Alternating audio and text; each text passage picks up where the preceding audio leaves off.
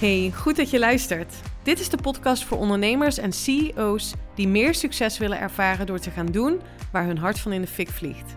In deze podcast komen mindset, strategie, wetenschap en spiritualiteit samen. Voor jou als je wilt gaan staan voor je grote dromen en ambities. Voor jou als je wilt ondernemen en leven vanuit je hart. Van onvervuld succesvol naar vervuld succesvol. Onconventioneel en altijd vanuit mijn hart. Welkom bij de Elina Haaks podcast.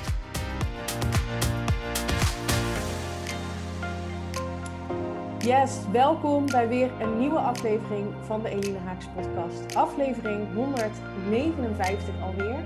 En ik heb vandaag een hele bijzondere gast. En dat zeg ik bij eigenlijk iedere gast. En dat is natuurlijk ook zo, want al mijn gasten zijn bijzonder. Maar dit um, raakte me echt dat deze man, Erik, ik ga hem zo aan je voorstellen bij mij in de aflevering wilde komen. Want Erik is mijn allereerste coach geweest. En ik sprak hem twee weken geleden en toen vroeg ik aan hem: Weet jij eigenlijk wel wat de impact is geweest van jouw rol in mijn leven, hè, van jouw rol als coach? En daar was hij zich niet zo van bewust. Erik is de coach geweest die ervoor heeft gezorgd dat ik keuzes heb gemaakt die ik niet durfde te maken, het toch heb gedaan, uiteindelijk mijn baan heb opgezegd, ehm, ons huis in Amsterdam verkocht en op wereldreis uh, ben gegaan. De trouwe luisteraars die kennen dit verhaal. Ehm, maar daar is uh, ja, Erik een hele grote aanleiding in geweest. Dus dankjewel Erik en welkom dat je hier in mijn podcastaflevering te gast bent.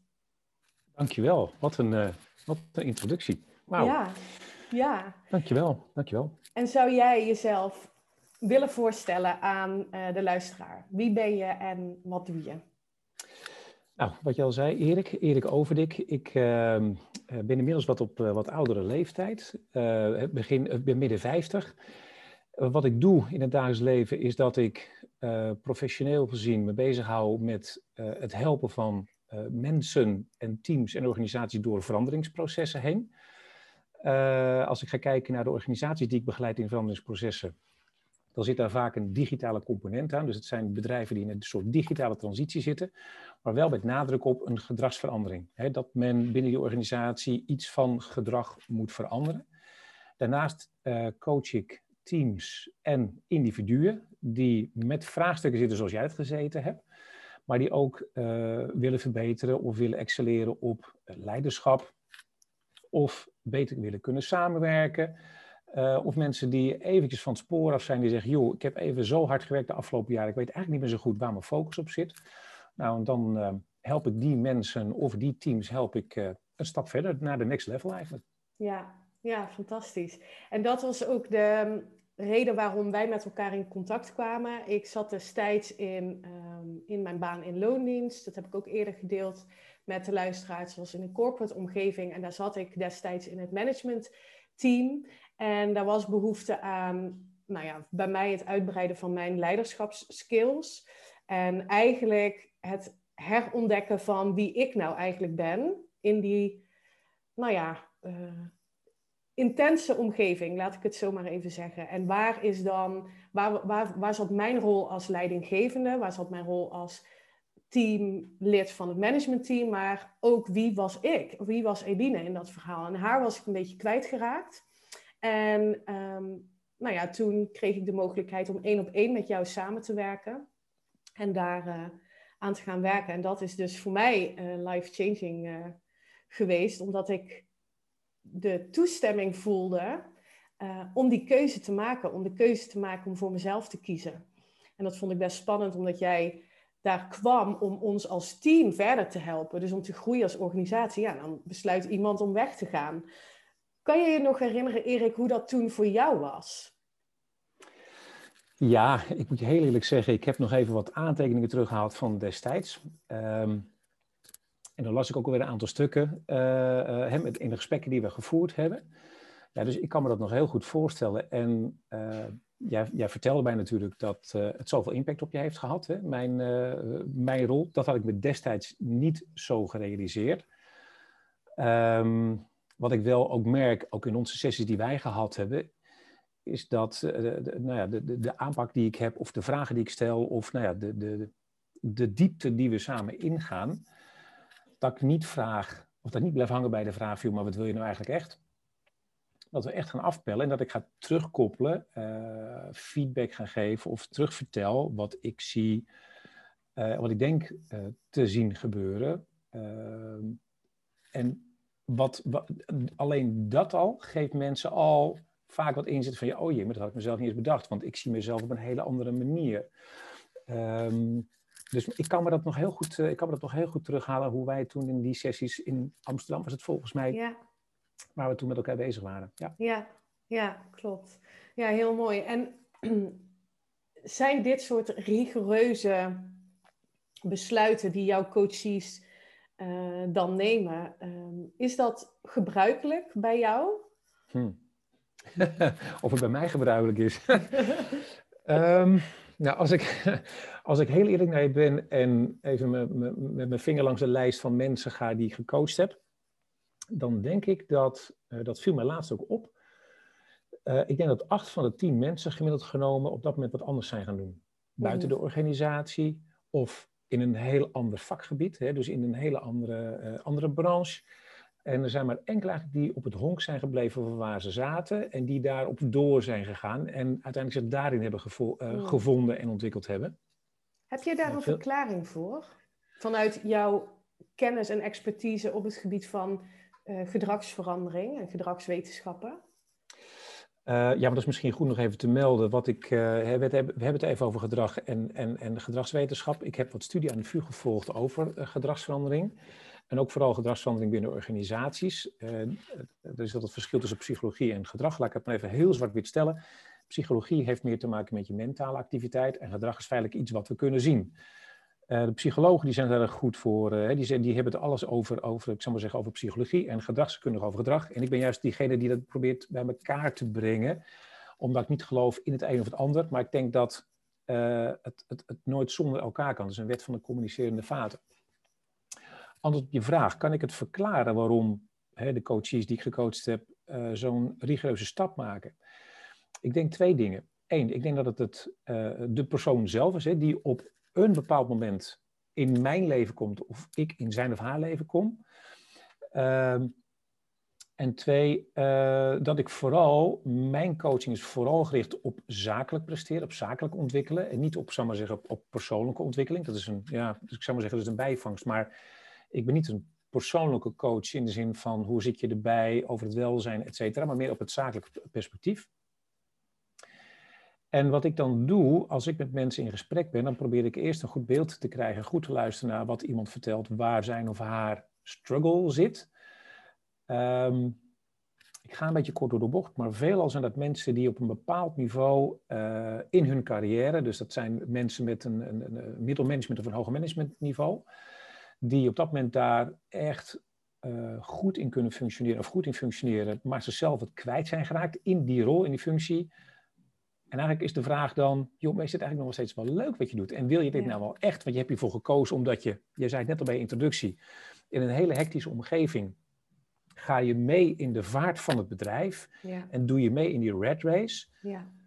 En op het moment dat je dat niet meer voldoende realiseert, dat je in die red race zit en dat je misschien wat zelf van je eigen persoonlijkheid van je eigen ik bent afgedwaald, maar meegaat in we moeten presteren, we moeten commercieel succesvol zijn en nog betere resultaten en nog groter team en een nog betere rol en een nog betere functie.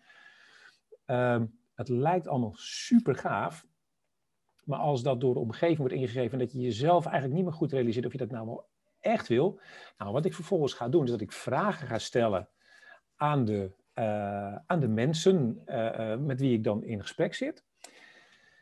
Um, ja, en dan komen er samen achter, of dan komen die mensen er persoonlijk zelf achter van, hmm, ja, oké, okay, maar, maar ik, ik, twijfel een beetje of ik het nou, of ik het nou wel echt wil. Ja. Nou, ik denk dat dat wel een verklaring is waarom mensen op een gegeven moment zeggen, ja, dat wil ik eigenlijk niet meer. Ja. Dus ik ga wat anders doen. En dan gooien ze rigoureus het, het roer om. Ja. ja, en dan heb je het dus over uh, die vervulling, hè? Waar ik, waar ik um, nou ja, dat is mijn tagline van hoe, waar ik mensen begeleid, is van onvervuld succesvol naar vervuld succesvol gaan. Want we kennen ze allemaal, de mensen die ogenschijnlijk heel succesvol zijn in die baan, in die positie, met die mooie auto voor de deur, leuk salaris, de bonussen. Ik ken het allemaal. Maar dat zegt niet zoveel. Nee, dat zegt niks op het moment dat het niet vervullend voelt. Dus dat je niet vanuit jouw authentieke zelf die rol ook invulling kan geven. Dan heb je er niet zoveel aan. Nee. En dus ik herken wat je zegt, omdat dan constateer je dat, dan komt het in je bewustzijn, maar wacht even, ik wil niet meer in die red race. Wat wil ik dan wel? En dat vond ik ook zo krachtig uh, destijds, dat jij mij die scenario's schetste. Oké, okay, we, hebben nu, we zijn bewust geworden van het feit, dit is niet meer hoe het verder kan. Maar wat dan wel? Volgens mij is dit een optie. Je gaat nog even door. Maar je kan ook de afslag nemen en gaan tanken. Dat was letterlijk de metafoor die je toen gebruikte. Dat zei ik laatst ook, hè? Uh, en dat betekent dus dat je een andere afslag mag gaan nemen. En het, het gegeven dat jij dat zei en dat ik eigenlijk die toestemming kreeg, dat klinkt misschien een beetje gek, maar soms heb je dat van iemand anders nodig om te horen. Dat maakte dat ik ook het vertrouwen voelde om dat besluit te nemen. en ik denk dat dat heel belangrijk is. Nou, die, toestemming die triggert mij wel. Hè? Ehm, want als de mensen op een gegeven moment, hè, de, de, mijn coaches of de mensen die ik ontmoet, ook door de omgeving word je vaak gestuurd. En want men heeft een verwachting van je. Je hebt een managementrol of je hebt een, je hebt een, je een bepaalde functie. Dus je moet voldoen aan het ideaalbeeld. Hard werken, goede inzet, altijd lachen, altijd er zijn. En altijd klaarstaan voor mensen en voor anderen. Um, waardoor je eigenlijk weinig aandacht en weinig tijd voor jezelf hebt. En op het moment dat je dan van iemand anders, dan zeggen ze, die onafhankelijk van de organisatie staat waar je, in, eh, waar je in werkt, dat die inderdaad, nou, zoals jij het net al zegt, de toestemming geeft of de ruimte geeft voor jou of ruimte creëert, dat jij zelf het besluit neemt, moet even denken, ja. moet iets anders doen, moet even, even time-out, even, even gas terugnemen of even pauze. Um, die momenten die zijn zo ontzettend belangrijk en daar heb je uh, soms heb je daar gewoon even een zetje voor nodig. Soms heb je daar iemand voor nodig die even die spiegel voorhoudt, of welke metafoor dan ook. Maar die even helpt van, joh, maar luister, lieve schat. Of luister, uh, uh, beste man. Um, kijk nou eens echt eventjes in die spiegel en neem nou eventjes het moment voor jezelf. Neem eens even afstand en ga nou eens, gewoon op, ga nou eens beschouwen in plaats van midden in die hectiek ja. zitten. Ik heb het zelf ook ervaren. Als je er midden in de hectiek zit, dan, kan je het, dan zie je, overzie je het speelveld niet meer. En dan, um, dan worden besluiten, rationele besluiten nemen, of emotionele besluiten, of in ieder geval besluit nemen, wordt steeds lastiger, omdat je zo wordt ingezogen in de dagelijkse hectiek. Nou, dat is best lastig. Hoe pak jij dat zelf aan, Erik? Want ik weet dat jij recent een uh, groot project bij een uh, andere corporate hebt uh, afgerond, hè, waar je ook um, teams hebt begeleid in, in, in dat hele gedragsveranderingsproces. Um, ik kan me voorstellen, jij gaf ook aan dat het was best een pittige opdracht. Het was leuk, maar het was ook pittig. Hoe pak jij dat dan voor jezelf aan? Coach jij jezelf dan? Of heb jij iemand die jou bijvoorbeeld weer begeleidt? Hoe doe je dat? Ja, goede vraag. Ehm, het was inderdaad een heel pittige opdracht waarvan ik heel veel tijd, maar vooral ook heel veel energie moest stoppen. Omdat mensen ook heel veel aan mij uh, vroegen uh, welke richting ze op moesten. En wat we zouden, hoe ze het zouden aanpakken. En er gebeurde gewoon ontzettend veel op heel veel niveaus. Wat ik probeer te doen, en dat lukt, uh, dat lukt aardig, maar soms heb ik daar ook wat uh, extra handvatten voor nodig. Ehm, wat ik dan probeer te doen is letterlijk in de weekenden, of op het moment dat ik rust heb, dat, dat ik de rust voor mezelf pak, door dingen te gaan doen die helemaal niks met werk te maken hebben. En waar ik, wat ik leuk vind, waar, ik, waar ik me rust in vind. Dat kan zijn strand, maar dat kan ook zijn, nou, ik heb het je al verteld, we zijn in het huis aan het klussen. Ik vind het heerlijk om mijn gereedschap, mijn oude, mijn oude broek aan te trekken, mijn, mijn werkbroek aan te trekken. En door het huis heen te gaan om het huis te moderniseren. Dat zijn we, en ondanks dat dat voor andere mensen, joh, is dat niet heel veel werk, dan ben je weer aan het werk. Nee, dat is voor mij geen werk, dat is voor mij een bepaalde vorm van ontspanning. Dat ik iets mag maken met mijn handen, in plaats van mag maken met mijn hoofd, zou ik maar zeggen. Ehm, twee, is dat ik, ja, ook zoveel als mogelijk of een, een, een coach opzoek die mij weer begeleidt en die bij mij de spiegel voorhoudt. Uh, ik geloof daar zelf heel erg in, omdat je, uh, mijn overtuiging is dat je altijd wel een blinde vlek hebt. Ehm, en uh, ga maar vaak genoeg de dingen doen waar je zelf in gelooft. Dan ga je echt in je eigen onzin geloven. Nou, dat vind ik altijd een hele gevaarlijke. Uh, want ik, heb, ik vind het altijd leuk om andere mensen om me heen te hebben die dan iets van vinden, die daar feedback op geven of die naar mij kijken. Of joh, hey Erik, je ziet er, uh, je ziet er nogal vermoeid uit. Op het moment dat je die, dat je die blinde vlek ehm, uh, als je die blinde vlek nou, uh, een blinde vlek zie je eigenlijk niet meer op een gegeven moment, als je maar vaak genoeg in je eigen, nou ja, eigen zin of je eigen onzin gaat geloven. En op het moment dat ik dan met mijn coaches uh, in gesprek ben, hè, dan geven ze aan, joh Erik, je ziet er moe uit, joh, hoe gaat het met je? En die gaan dan daar gewoon letterlijk op doorvragen en die geven mij dan gewoon feedback op datgene wat ze zien. Mm. Um, en dat helpt mij weer om mijn punt scherp geslepen te houden. Of uh, gewoon de focus te houden op wat ik eigenlijk ook alweer wil. En soms merk ik ook van nou, ik heb het nu een hele tijd gedaan, maar zou ik dit nog wel steeds zo leuk vinden met dezelfde energie? Dat maakt ook dat ik in mijn vak kies voor projectmatig werken en uh, met coaching bezig te zijn. Want er is eigenlijk nog wel een derde punt uh, hoe ik probeer mijn punt scherp te houden. door te werken met coaches. Hmm. Want ook ik, het lijkt wel alsof ik dan heel veel mensen kan helpen of, of, of uh, de, de, ik zou maar zeggen, uh, iets kan leren om er van A naar B te komen. Maar ik leer ook zoveel van andere mensen, van de, van de coachie zelf. En dat vind ik zo, dat vind ik mooi, vind ik goud. Oh, dit, vind ik, dat... dit vind ik echt mooi dat je dat zegt, want ergens voelt er soms nog voor mij een tendens dat er een soort van hiërarchie is tussen coach en coachie. Maar dat is natuurlijk helemaal niet zo. Dat, Als je op de juiste manier het gesprek aangaat en je kunt op de juiste manier ehm, vragen stellen en reflecteren, mhm. dan kun je dus ook samen groeien. Misschien hè, in een andere vorm, maar... Ja, ehm, ja ik, ik geloof heel erg in samen in plaats van hiërarchie. Dat geldt niet alleen maar voor coach, coachie, maar ook voor leiderschap. Uh, er zijn natuurlijk heel veel leiderschapsmodellen. Wat bij mij persoonlijk heel erg past, is dat we het samen doen in plaats van dat ik bepaal hoe jij je werk gaat inrichten. Want dat is, vroeger was ik wel iemand die dat wel zo deed. Dus uh, ik zag ook op je, website, op je website Bin There Done It. Uh, nou, daar heb ik ook wel wat last van. Ik was vroeger een leider die graag vertelde hoe het moest namelijk. Want ik was succesvol, doe het maar net zoals ik. Dan ben jij ook succesvol, dan word jij het ook. Heel soms werkt dat, maar vaak werkt dat niet. En ik probeerde maar te begrijpen, waarom werkt dat nou niet? En daar ben ik veel over gaan lezen, ook studies over gaan volgen, uh, tot ik tot de pijnlijke conclusie kwam dat op het moment dat ik naar iemand vinger wijs, dat de drie vingers naar mezelf wijzen. Nou, dat was voor mij wel een, uh, een hele pijnlijke, uh, want ja, ik wuifde het altijd maar weg. Um, maar dat was wel een, ja, ik weet niet, ja, ik weet niet of pijnlijk het goede woord is, maar het was wel een openbaring van, hmm, wacht even, als ik dus andere mensen wil helpen, moet ik eerst maar zelf maar eens eventjes goed in de gaten hebben hoe ik functioneer en ja. wat mijn sterke punten zijn of waar ik maar, maar valkuilen zitten. En uh, zo ben ik achtergekomen dat ik ook, mens, dat ook ik menselijke trekjes heb, uh, die iedereen heeft. Dus, ja. ja. Ja. mooi. En dan zie je toch maar weer dat bewustwording, zelfbewustzijn, is echt een belangrijke stap in transformatie en verandering, in um, van, van A naar B gaan. Als je niet ja. bewust bent van wat je doet en je gedrag, als je blijft doen wat je altijd deed, zul je krijgen wat je altijd kreeg. Ja. Bewustzijn van wie ben ik nu eigenlijk, welke versie van mezelf ben ik nu aan het laten zien en is dat congruent aan daar waar ik naartoe wil? En zo niet, wat kan ik dan anders gaan doen? Dat is gewoon dus echt een, nou ja, ik denk dat het begint bij eerst iemand anders zijn en dan iets anders gaan doen.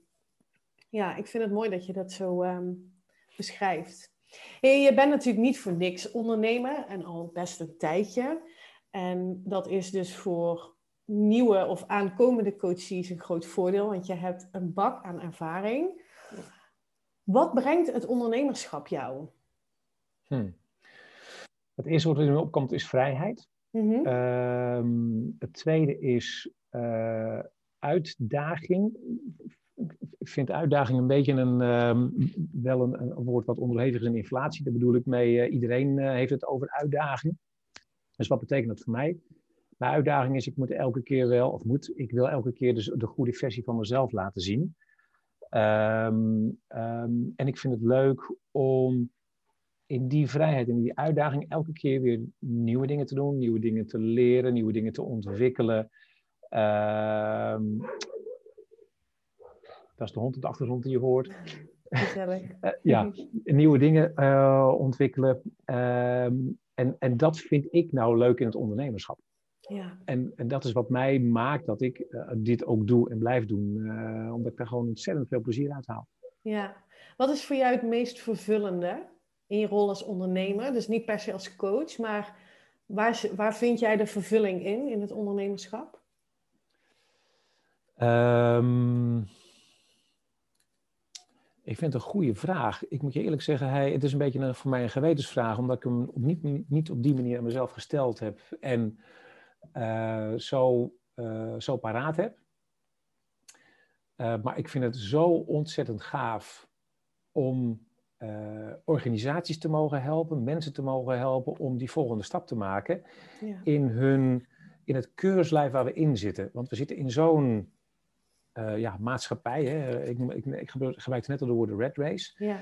Dat uh, uh, je komt s'ochtends je bed uit, je je wekker gaat, je gaat eten, je gaat de file in, et cetera. Maar het is zo mooi om sommige patronen gewoon te doorbreken. Om nou echt te doen waar je echt je hart ligt. Ja. Of waar je nog beter in gaat worden. En dat, en dat vind ik het allermooiste, dat je gewoon s ochtends je bed uitkomt met een glimlach. In plaats van dat je denkt van, gaan we weer. Ja. het is zoveel mensen gegeven dat ze niet goed in hun vel zitten of dat ze uh, in hun baan moeite hebben met de dingen hoe het daar gaat of dat ze onzeker zijn. En ik vind het zo prachtig om mensen te zien opbloeien en zeggen van joh, je hebt me geholpen die volgende stap te maken en daar ben ik blij mee. Ik ben weer vrolijk en ik kan Ja. dingen doen waar ik graag, uh, wat ik graag wilde doen. Dat is dan op microniveau, maar als je gaat kijken naar het grote niveau, dat bedrijven ontwikkelen, naar de volgende fase gaan in hun bedrijfsvoering en dat daar weer dingen of zaken beter gaan voordat je binnenkwam. Nou ja, dat, dat, vind, ik, uh, dat vind ik fantastisch. Super vervullend. Ja, dat ja. begrijp ik heel goed. En ik weet zeker dat er uh, luisteraars zijn nu die... De meeste luisteraars zijn ondernemers. Er zullen ook ongetwijfeld een aantal mensen zijn die in loondienst zijn en luisteren... omdat ze misschien het verlangen hebben om ooit voor zichzelf te beginnen... En die in die spreekwoordelijke red race zitten. Want ook ondernemers ervaren dat. Hè? Ik merk dat bij klanten die vooral heel erg aan het doen zijn hoe anderen het ook doen. En een strategie overnemen omdat het ook waarschijnlijk succesvol is voor een ander. Die zich heel erg vergelijken met anderen. Die ja, toch aan een bepaald verwachtingspatroon denken te moeten voldoen. Dus die herkennen de spreekwoordelijke red race. Wat zou jouw nummer één tip zijn als zij nu voelen, want dat voel je, ik wil dit eigenlijk niet meer. Waar zou jij dan beginnen? Een wit papiertje pakken. Uit de printer of een bloknoot, maar zo wit, zo wit mogelijk. En begin maar eens gewoon uh, te krassen en te schetsen of te kriebelen. Uh, uh, de, de, met een pen te kriebelen. En voor de ene werkt het om een tekening te maken. En voor de andere werkt het beter om woorden op te schrijven. Maar ga nou eens beginnen met te tekenen of te schrijven, maar bij voorkeur tekenen, hoe je leven eruit zou moeten zien. Hmm. Hoe, je, hoe jou, als je nou echt alles mag loslaten. Stel, er is geen red race en stel, je bent het meest gelukkige persoon op aarde. Hoe ziet het eruit? Yeah. En dat gewoon eens doen op het moment dat je of je op je slechtst voelt, of dat je je op je best voelt, of dat de zon schijnt. Maar pak een wit velletje. En begin Ja. te tekenen en begin te schetsen. Begin daar eens gewoon mee. De stap Ja. is heel klein. Eh, het is heel eenvoudig. Ehm, en eh, je schaadt er niemand mee. Je kan alleen maar voor jezelf kijken van nou, wat heb ik nou opgeschreven? Wat heb ik nou getekend? En leg dat eens een keer spreekwoordelijk onder je hoofdkussen neer. Kijk er nog eens een paar dagen later naar en laat het gewoon eens even een beetje rijpen. Ja, mooi. Ja, hele goeie. Want we zijn geneigd om meteen te denken, ja, maar dat kan niet, of hoe moet dat dan? En ik ben toch nooit goed genoeg om een onderneming te starten, of wat voor overtuigingen er dan ook boven komen. Maar als je oordeelloos iets kunt opschrijven en het er gewoon maar laat zijn, dan heb je al eigenlijk een startpunt. Je hoeft niet morgen totaal je leven om te gooien. Of helemaal dingen anders te gaan doen. Nee, ik vind het een hele... Ja, en het is, het, het, het, is, het is eh, probeer alleen maar even toegankelijk te maken wat er in je hoofd zit en, en eh, waar je naartoe wil. Ehm, en op het moment dat je dat dan doet, hè, eh, eh, stel je, je komt eraan toe of je, hè, je laat jezelf verleiden om dat witte briefje te pakken en gewoon iets te gaan tekenen, al is het maar alleen maar een paar krassen en een paar strepen, iets wat, eh, wat, wat alleen maar jij begrijpt. Ehm, en, en, en laat het desnoods eens een keer door anderen zien of laat het eens de anderen lezen. En, en, en laat, laat je gewoon eens heel positief verrassen. Ja, ja mooi. Hele goede tip. En uiteindelijk willen we, denk ik allemaal, dat vervullende leven leven, dat gelukkige leven leven vanuit ons hoogste potentieel, of in ieder geval de versie die we graag willen zijn, vanuit onszelf. En dan ben ik benieuwd, hoe kijk jij vanuit gedragsveranderingsperspectief naar een vervuld leven? Kun je daar, kun je, kun je daar antwoord op geven? Is Jeetje. dat te groot? Ja, het is misschien het, groot. Nou, het, het, is, het is een grote vraag, maar ik ga hem even helpen kleiner maken. Ja. Um, laat, ik vooropgesteld, uh, laat ik vooropstellen dat Gedragsverandering is een van de moeilijkste dingen. Dat heb ik niet bedacht, maar het blijkt uit vele wetenschappelijke onderzoeken die er nog steeds vandaag de dag gewoon plaatsvinden.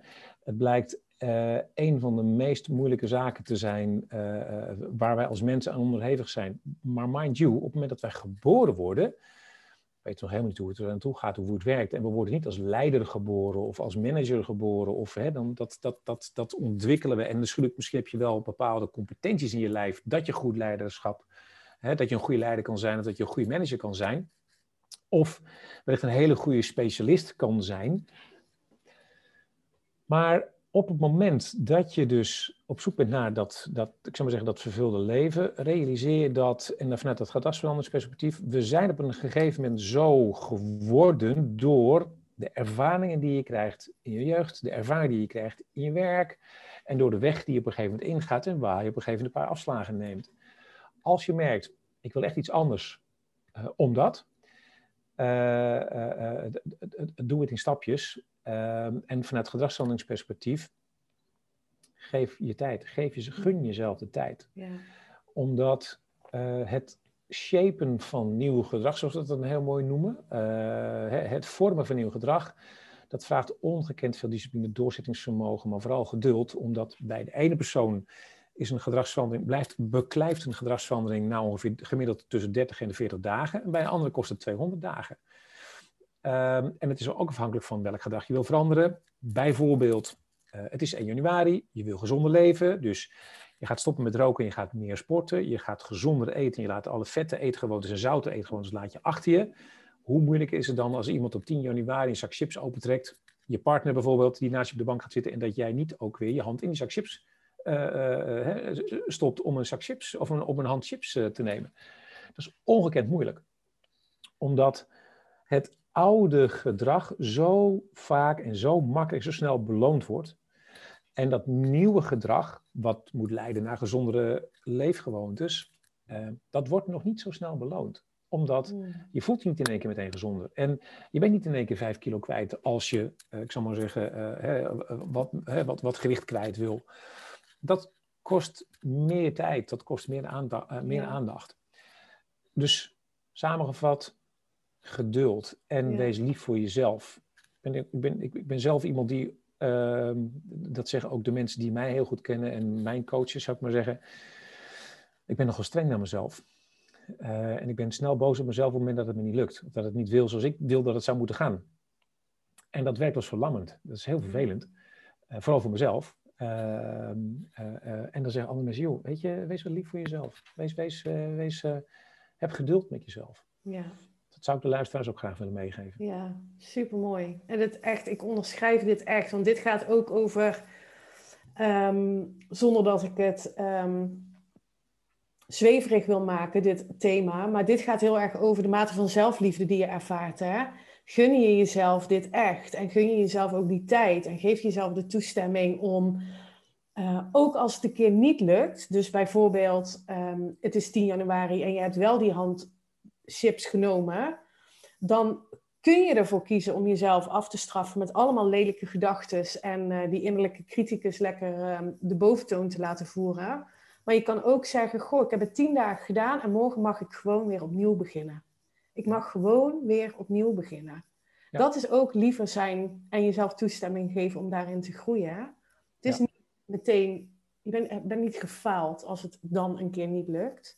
Maar dat, ik denk dat we dat, we moeten zoveel van onszelf. En het moet allemaal in één keer lukken. Ik vind dat met, met ondernemerschap ook.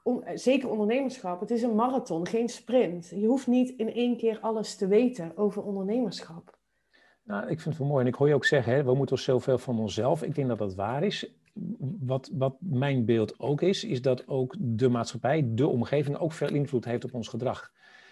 Uh, want we moeten ook zoveel. Uh, uh, we moeten de beste huisman of huisvrouw zijn. we moeten de beste partner zijn. We moeten de beste ouder zijn. we moeten de beste manager zijn. Want ja, dat verwacht men van ons. En als je dan af gaat pellen van ja, wie is men dan? Nou, je komt daar zelf ook wel in voor. Maar de omgeving doet daar ook nog wel een duitje voor in het zakje. Ehm, dus het is, en als je het hebt over ondernemerschap. Nou ben ik geen, Amerika, geen Amerika-deskundige, maar ik weet in ieder geval van, van bekenden die dat wel zijn, dat als je in Amerika een ondernemer bent en ehm, je bent daar één of twee keer failliet gegaan, dan is dat juist alleen maar waarde toevoegend. En als je hier in Nederland een keer een slippertje maakt, maar zeg maar zeggen zakelijk een slipper maakt, nou dan ben je meteen verguisd. En je mag meteen zeven niet meer ondernemen. En nou, de, echt, je bent outlaw, weet je, je bent, je bent een outcast. En dan denk ik, hoe dan? Ehm, dat zijn mensen met zo ongelooflijk veel ervaring, die weten waarom ze bepaalde dingen niet meer moeten doen. Dat ze, omdat, nou ja, binnen dan it. Het is zo ongekend waardevol. Alleen de maatschappelijke, uh, de, de, de, de, peer pressure, de maatschappelijke druk om ons heen, die, die maakt dat, nee, als je, als je, als je vindt, nou dan, uh, dan ben je een slechte ondernemer. Ja, ik vind het echt compleet onzin. Ja, ik, vind het echt compleet onzin. Maar goed, zo kijk ik daarnaar. Ja, ik, en ik ben het eens. Er zitten heel veel, er zitten alleen maar lessen in. Er zit alleen maar groei in. Ja, absoluut. Ja. Ja. Wat is jouw grootste uitdaging als ondernemer? Of waar daag jij jezelf in uit? Laat ik het zo stellen, als ondernemer. Hm. Er zijn een... Um, waar daag ik mezelf in uit? Kijk, ik ben als ondernemer, ik, ik, wat ik net al in de introductie zei, eigenlijk doe ik een paar dingen. Hè. Dus ik help bedrijven door ingewikkelde veranderingsprocessen heen en ik, ik coach teams en, uh, individuen. Um, en daarbij ben je ook nog bezig om gewoon werk te, werk te vergaren. Dus op het moment dat men je niet ziet, omdat men, eh, of dat men je niet kent, ja, dan uh, het werk komt, niet vanzelf op dat moment. En waar ik mezelf in probeer uit te dagen, dat vind ik dan, dat klinkt wat gek misschien uit mijn mond, maar het minder leuke aan het ondernemen, dat uh, het doen van acquisitie of jezelf op een, vooral, want hoe doe je dan acquisitie? Een van die dingen is jezelf promoten of in de markt neerzetten en laten zien wat je doet en wat je kan. Um, er zit ergens in mij een, een heel bescheiden mannetje die, uh, of een bescheiden persoontje, laat ik het zo maar, laat ik het maar genderneutraal zeggen. Er zit bij mij een bepaald persoontje in die nogal bescheiden is. En uh, ik probeer de balans elke keer te zoeken en te vinden op, nou hier ben ik goed in, hier mag je me verbellen, dit ben ik, hier ben ik trots op. In relatie tot gewoon mijn werk doen. In plaats van van de toren te blazen, ik ben de beste en ik ben de grootste. En, want dat wil ik niet zijn, dat ben ik ook niet. En dat vind ik elke keer weer een, eh, een, een, een ja, mijn taal, een uitdaging in het, in het ondernemen. Ja. En waar ik mijn balans in uh, probeer, uh, probeer te vinden. Mooi, mooi. En hoe doe je dat? Hoe, hoe, hoe uitzicht dat? Soms knars het dan het achter mijn bureau, zitten naar buiten rennen en lopen te voeteren in mezelf. Ja. Pannenkoek. Uh, en streng tegen mezelf te zijn. En andere momenten denk ik van ja, weet je, eh, maar ik mag er ook zijn. Ik ben er ook gewoon, punt. Precies. Ook ik heb mijn, ik heb mijn onzekerheden. Uh, ook ik heb mijn onzekerheden. Ook ik heb menselijke trekjes. Ja.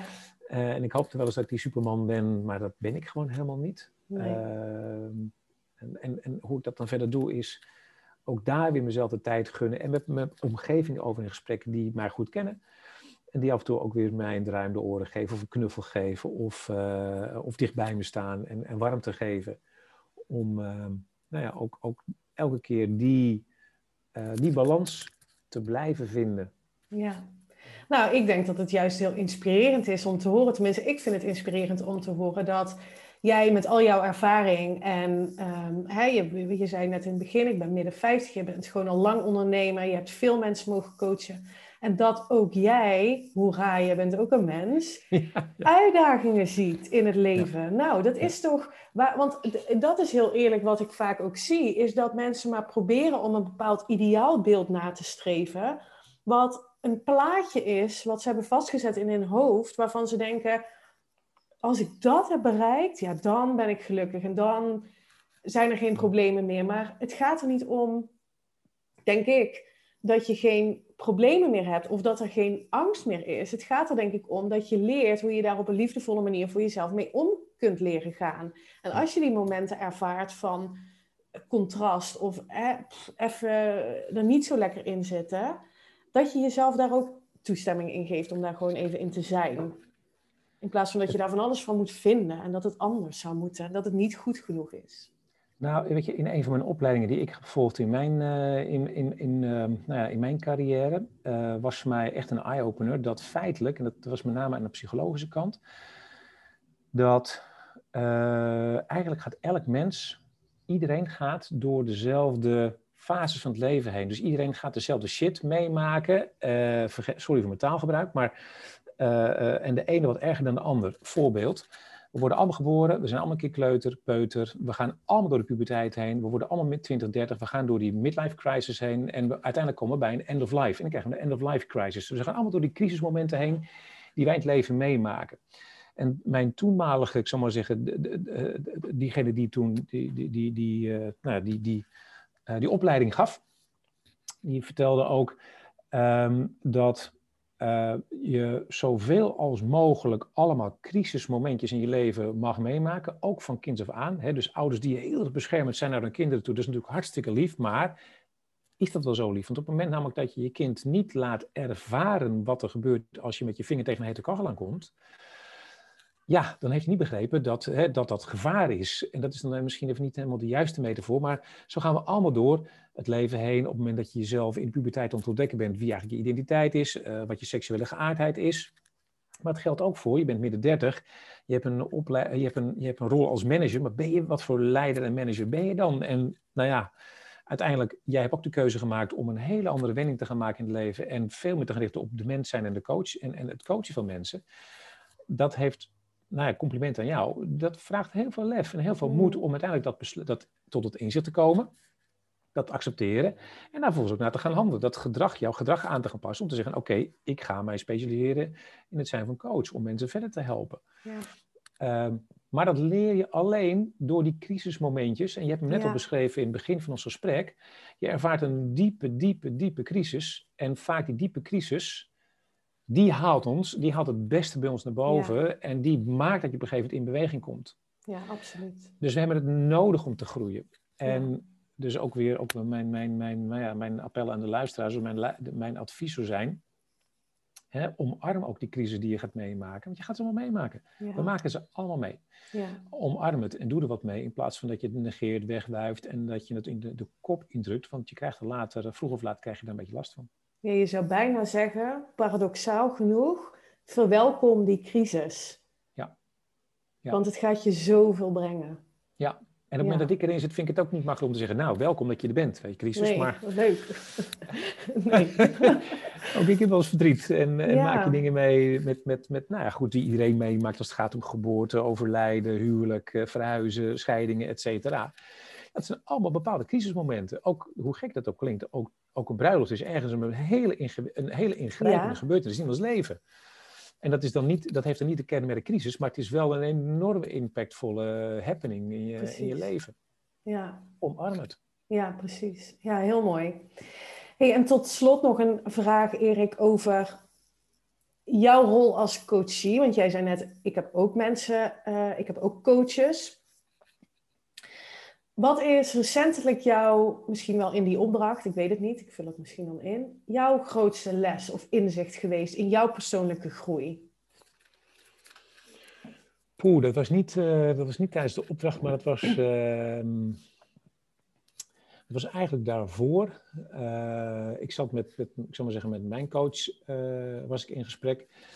Um, en en um, wat was er aan de hand? Uh, ik zat eigenlijk in between opdrachten. En ik had ook behoefte om weer naar een volgende stap of een, zeg maar zeggen, een verschuiving te maken van iets wat meer uh, naar organisaties met een wat meer uh, digitaal vraagstuk, digitale transitie vraagstuk.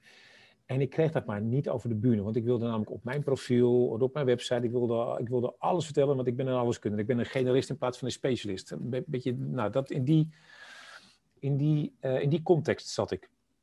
En uiteindelijk was de les die zij, want het is in dit geval een dame die mij coacht, in dit geval zei ze tegen mij, joh, focus. Hmm. Maak keuzes. Uh, het is geen hocus pocus, het is focus, focus. En die. Uh, uh, en, en, en hè, dus maak je keuzes en focus je op één ding. Wij zeggen van oké, dit gaat het worden. En het is soms. Oh, ik vind het heel erg lastig om dan dingen los te laten. Maar dat heeft mij enorm veel inzicht gegeven, mij ook verder geholpen naar die volgende stap. Omdat ik ding, de, dingen durfde los te laten in plaats van maar angstvallig en blijf vasthouden. Dat was ja. mijn les. Ja, heel mooi, briljant. Ja, ik vind dit echt een belangrijke. Het nemen van een besluit is superkrachtig en, daarna de, en daarmee eigenlijk de focus aanbrengen. Waar ga ik me wel op richten? En ja. al het andere wat daar niet mee in lijn is, uh, loslaten. Dat geldt voor welke klanten bedien je, tot aan welke niche heb ik, tot aan welk aanbod heb ik. Ja, we kunnen iedereen willen helpen, maar dat werkt niet. En daarmee help je precies, denk ik, niet niemand. Echt goed, hè? Ja. Eens, eens, helemaal eens. Fantastisch. Erik, ik, um, nou ja, ik zei al aan het begin, ik heb een aantal vragen voorbereid die ik, uh, die ik um, aan je heb gesteld. Is er nog iets wat jij wilt delen? Waarvan je nu zegt, nou, dat is nog wel wat ik wil meegeven. Hoeft niet, maar... Nou, niet zozeer meegeven, maar meer dank voor het feit dat je me hebt uitgenodigd voor deze podcast. Want ik vond het uh, ontzettend leuk om te doen. Ik voelde me echt vereerd. Uh, ik vind dat wij, jij en ik, samen een heel mooi band hebben. Ondanks dat, ik hem, dat we elkaar een aantal jaren niet gezien hebben. Maar het voelt zo vertrouwd en weer zo van, oh ja, weet je nog. Ja, dat. Uh, en, en, en we gaan weer door, maar dan met een, met een, andere, hè, met een andere focus. Ja. Maar uh, ja, weet je, ik, ik, ik, wil, ik ben dankbaar voor het feit dat je me hebt uitgenodigd. Ik vind het prachtig mensen, fantastisch mensen. Ik ben zo blij en zo... Ik vind het zo top om te zien hoe je... Nou, hoe je... Hoe je ik, wou, ik wou het woord gebruiken hoe je terecht bent gekomen. Maar terecht ja. bent gekomen is alsof je er bent. Dat is niet... Ik denk dat je ook weer een, een volgende stap in je reis maakt. En dat je uh, geniet van je reis. Dat is wat ik bij je zie. Ja, ja en dan uh, daar maak je mij als, als oud coach, zou ik maar zeggen, ja. maak je mij super gelukkig mee. Dus dat oh, wil ik even meegeven. Ja, nou dat vind ik echt super fantastisch. Echt heel leuk om, uh, om te horen. En um, ik wil afsluiten met een, uh, ik gun iedereen een Erik in zijn leven. Was het maar om jezelf het vertrouwen te geven dat je echt mag gaan doen wat je hart je ingeeft. En dat is wat jij voor mij destijds uh, hebt gedaan. En dat is echt life-changing. En nu weet ik dat dat klinkt als wij van WC eens. Maar ik ben echt van overtuigd dat iedereen een goede coach aan zijn of haar zijde mag hebben. Als je echt die vervulling wil ervaren in het leven. Niet langer meer dat die red race of dat mediocre. Ja, het gaat allemaal wel oké en we kabbelen een beetje voort. Als je voelt, ik wil echt het leven ervaren. Ik wil groeien in mijn expertise. Ik wil groeien als mens. Dan uh, gun ik iedereen een, uh, een Erik. Waar kunnen ze jou vinden? De luisteraars die nu ehm. denken, die man die moet ik spreken. ja. Um, um, als je op mijn website kijkt, uh, dat is overdik.nl, O-V-E-R en dan D-I-C-K.